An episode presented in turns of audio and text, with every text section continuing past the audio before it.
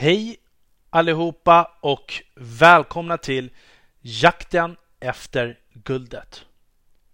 Mitt namn är Armond Faltin och idag hade jag tänkt att berätta en väldigt speciell historia. En berättelse som handlar om eh, min vän Daniel från Afghanistan. Han har flytt hit från två olika krig i två olika länder. Och han har även gjort en massa mellanstopp på vägen. Det här är en spännande berättelse som kommer att fortsätta att sträcka sig från dåtid till nutid och till framtid. För det har nämligen hänt eh, något speciellt alldeles nyss precis och eh, men han vill att jag läser upp den här delen för han tyckte det lät bra när jag läste upp den tidigare. Så jag kommer prata i jag-form som att jag är Daniel. Hej! Mitt namn är Daniel Golam Nabi. Jag är född i Afghanistan och jag ska berätta om min resa från Afghanistan till Iran och sen vidare till Syrien. Jag ska även berätta om ett liv i Syrien innan ett nytt krig bröt ut och jag var tvungen att fly igen. Innan jag föddes så bodde min mamma i en by som hette Ghazni. Och där träffade hon min pappa och de blev kära. Problemet var att min pappa var shia och min mamma var sunni. Min mamma valde att byta till att bli shia för att få vara med min pappa. Det här beslutet gjorde att hela släkten vände sig emot min mamma. Det är den största synden man kan göra i mitt land. Jag föddes i samma by, men när jag var två år så dog min pappa. Han fick en chock och dog av en hjärtattack när vår by blev attackerad mitt i natten. Min mamma flydde med mig till Kabul. I Kabul träffade min mamma en kille som inte var bra. En man som var kriminell och tvingade min mamma smuggla saker mellan städerna. Min mamma vill inte leva det livet. Men i Afghanistan är det männen som bestämmer och kvinnan kan inte få hjälp ifrån någon. Hon visste att det enda sättet var att fly landet. Hon vill inte utsätta sig själv eller sitt barn för fara. Hon började planera sin flykt. Det är det enda sättet att få makten av sitt eget liv. Att få styra över sitt eget och sitt barns öde. Hon vill inte bli tvingad att leva med eller som kriminell. Jag var cirka nio år när min mamma väckte mig. Tre, fyra på natten kanske. Och sa att vi skulle gå ut. Hon hade planerat det här i smyg länge. Men hon hade inte berättat någonting för mig. Jag kommer inte ihåg så mycket från den här resan. Förutom att den varade eh, allt ifrån en till två månader kändes det som. Och att vi inte hade varken mat eller vatten. Vi drack ur bäckar fast det kunde ha gjort oss sjuka. Vi åt blad och bark från träd och buskar längs vägen. Tillsammans med gruppen som vi flydde med var vi ungefär 50 stycken. Blandat vuxna och barn. Vissa skulle till Iran och andra vidare till Syrien. Vi skulle till Syrien men vi var tvungna att gå via Iran tillsammans med gruppen. Resan var läskig för vi hade fått höra att det fanns väldigt mycket farliga djur på vägen. Man går på natten och det är helt becksvart. Man får inte ha med sig ljus eller göra ljud ifrån sig. Väl när vi var framme i Syrien så hade vi en tuff period. Vi kunde inte språket och vi hade ingenstans att bo. Men till slut så träffade vi en afghan som var gift med en syrier. Och de hjälpte oss att komma på fötter igen. Vi fick bo hos dem ett tag och så fick vi en massa annan hjälp också. Jag och min mamma, vi lärde oss arabiska ganska snabbt genom att prata med folk på marknaden och hjälpa till att sälja saker. Till slut så började det gå jättebra för oss. Det fanns mycket iranier och afghaner som vi kunde sälja till. Tack vare vår bakgrund så blev vi en tillgång på marknaden. Vi lockade till oss en större del av kundgruppen tack vare att vi kunde prata persiska och dari. Inom kort har vi tjänat ihop en bra summa pengar och öppnar en egen butik. Vi säljer bäst av alla i hela kvarteret eftersom alla utlänningar vill ju komma till oss. En dag så träffade jag en hemlös kille från Afghanistan som jag blev vän med. Eftersom det går bra för oss så låter jag han sova i vår butik. Tills mamma får reda på det och vill att han ska sova hemma hos oss. Han fick kläder och mat och allting ifrån oss. Min mamma sa att hon vet hur det känns och därför måste hon hjälpa honom. Han bodde hemma hos oss medan jag jobbade i butiken till sent på natten. Butiken låg ungefär 25 minuter med cykel från vårt hem. En natt hade jag glömt att hämta mat till honom. Då skickade min mamma ut mig igen, mitt i kalla natten, för att hämta mat. Cykla 50 minuter fram och tillbaka. En dag gick vi till en stor chokladförsäljare som säljer choklad till alla kaféer runt omkring. Vi frågade honom om hur många kartonger choklad han brukar sälja i vårt område. Han svarade cirka 25 kartonger i månaden. Då bad vi om att få köpa 26 stycken i månaden direkt för hela kvarteret. Så blev vi den nya storförsäljaren av choklad i området. Han gick med på det och vi kunde höja priset och tjäna mer pengar. Det gick så bra till slut att jag ville göra en större investering. Jag tog våra besparingar som vi hade och gjorde ett större inköp. Pengar som jag la ner som säkert skulle räcka att leva på i över ett år. När jag köpt all choklad så lagrade jag det i vår butik. Strax därefter så bryter kriget ut och området blir bombat. Det är onödigt att försöka ta sig dit nu. Det finns ändå ingen el och chokladen har smält. Även om chokladen skulle ha klarat sig så skulle ingen köpa den. Det är krig nu. Alla sparar på allt. Min mamma blev inte arg för de förlorade pengarna. Men hon säger att jag måste fly nu. Annars kommer de islamska grupperna antingen att döda mig eller ta mig. Jag är 15 år. Mamma sa att hon kommer klara sig så länge hon är ensam. Och att min största chans att överleva är om jag också är ensam. Om vi är tillsammans så kommer vi förmodligen båda två bli mördade. En dag får vi tag på en smugglare som ska smuggla mig från Damaskus till Turkiet. Jag fick sitta i en helt vanlig bil och ligga i bagageluckan. Efter kriget hade brutit ut så fanns det en massa checkpoints och tullar där vissa var militärer. Ibland var det gäng som hade tagit över vissa områden. Det fanns också polistullar. Men vad alla tullar hade gemensamt var att alla var civilklädda.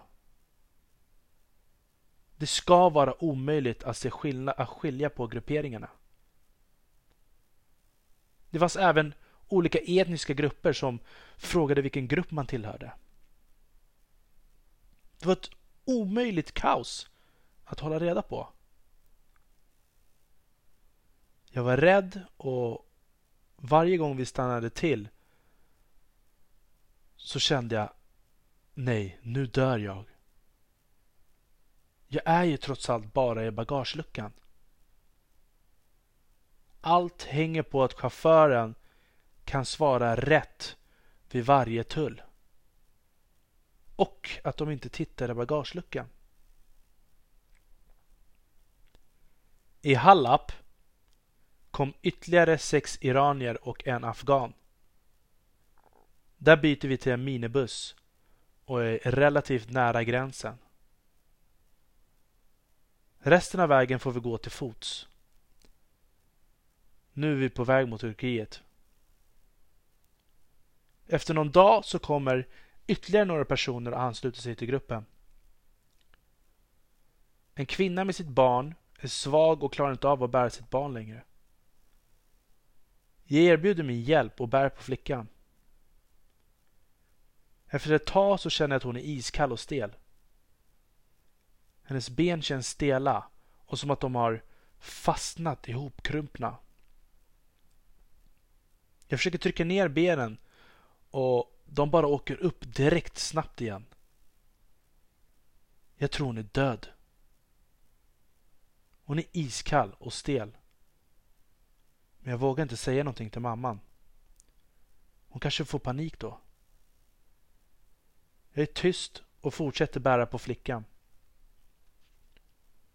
Vi går och går mitt i natten bland sluttande berg och jag kan inte ens se min egen hand framför mig.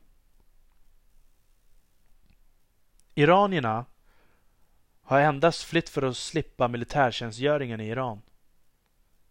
Och det gör att de inte tar flykten på lika stort allvar som vi andra. Den här sista biten känns farligast för att vi på gränsen mellan Turkiet och Syrien och båda länderna är på helspänn på grund av olika grupperingar som finns i området. Vid ett flertal tillfällen får iranierna fnatt och vill ropa mitt i natten för att de inte orkar gå längre. De vill bli tagna så de blir hemskickade istället. Vi säger åt dem och försöker lugna ner dem och vi förklarar att det behöver inte vara så att de blir skickade till Iran. De kan lika gärna hamna i ett fängelse. Det är krig. Det är omöjligt att kolla upp vem du är. Ni kommer få sitta i fängelse tills kriget är över. De lugnar ner sig till viss del men är hela tiden ett överliggande hot för hela gruppen. Väl när det börjar närma sig Turkiet så ser vi en hel familj ligga döda på marken. Vi blir rädda och vi vet inte hur eller varför de har blivit dödade. Var det syrier? Var det turkar? Är det någon gruppering? Nu blir det extra läskigt för smugglaren säger att han ska lämna oss. Nu ger han oss bara höger och vänsterbeskrivningar som ska leda oss framåt i flera timmar.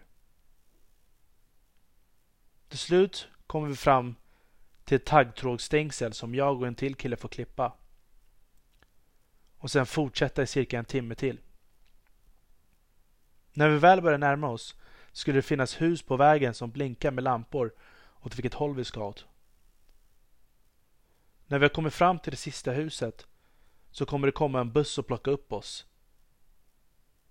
Nu är vi inne i Turkiet och flickan jag bar på är tack och lov inte död. Väl i Turkiet är det dags att snabbt hitta ett arbete och någonstans att bo. Jag hade gömt pengar i strumpan så jag klarade mig ett litet tag. Det dröjer bara någon vecka och jag har ett jobb som lastare för en, tyg, för en tygbutik. Lasta in och ut tyger på lager. Det var ett bra jobb och jag kände hur jag blev fysiskt starkare och såg det som träning. Jag är i Turkiet i uppemot ett år tror jag. innan jag ger mig iväg igen. Den här gången åker vi mot Grekland. Vi sätter oss i vad det ser ut som en stor gummibåt med plats för kanske 20-25 stycken. Men vi var 40 stycken. Resan skulle ta cirka 4-5 timmar. Och det är stora vågor och båten börjar gå trögt. Det dröjer inte länge innan vi var tvungna att kasta allt bagage i vattnet. Båten måste åka igen. Väl framme i Grekland så köper vi biljetter till en park som vi har hört talas om. Victoriaparken. Där sover vi i tält i några dagar och här finns det jättemycket smugglare som erbjuder sig att hjälpa till men jag kände att det var alldeles för stor risk. Ingen kändes trygg nog att lita på. Så vi bestämmer oss bara för att följa den stora grupperingen som åker gratis och betalar för sina egna biljetter. Buss och tågresorna som kändes alldeles för korta eftersom vi fortfarande fick gå i flera dagar. Vi hade nästan ingen aning om vilka länder vi var i. Vi hade mobiltelefoner men vi hade inga batterier. Vi bara fortsatte gå och gå och gå. Länder som jag kommer ihåg var Makedonien, Kosovo, Serbien, Slovakien och Tyskland. Mestadels var till fots och någon gång tåg och buss. Väl i Tyskland så får vi åka en buss som har två stopp. Ett stopp om man vill stanna kvar i Tyskland och andra stoppet om man vill fortsätta till Danmark. Jag hade ingen aning om vart jag skulle någonstans. Allt jag och de andra pratade om var hur varje nytt land som vi kom till bara blev bättre och bättre. Därför fortsätter vi bara framåt utan att ha ett mål. Väl framme i Danmark så får vi komma till ett ställe där vi kan duscha, äta och sova. Mitt i natten så vaknar jag av att människor håller på och packar hastigt och börjar springa mot en buss. Jag går upp, klär på mig snabbt och jag vill heller inte missa nästa destination. Vi kommer fram till en stor båt som kan få plats med jättemånga bilar och så stor att det får plats med flera tusen människor. Nu när vi är på båten så är alla trötta och hungriga så att vi bara sover. Väl framme i Malmö så kommer polisen och hjälper oss. De börjar med kvinnor och barn. Vi som var ensamma fick vänta lite till. De hjälpte oss med filtar, tandborstar, schampo, tvål. De som ville fick komma till ett läger och skriva in sig och få hjälp med allt man behöver. Men vi blev vän med en kille på vägen som hade släktingar här i Malmö. Så vi åkte hem till dem istället och sov där en natt. Där fick vi rekommendationen att åka till Stockholm. Så nästa dag köpte vi en biljett och åkte till Stockholm. Kunde varken läsa eller prata engelska så att min kompis hjälpte mig att ta mig till Migrationsverket i Märsta. Här började äntligen min riktiga resa för livet. Tack så mycket för den här gången. det var allt för den här gången och eh, vi hörs igen nästa vecka. Jakten efter guldet mina vänner med vänliga hälsningar Armond Faltin.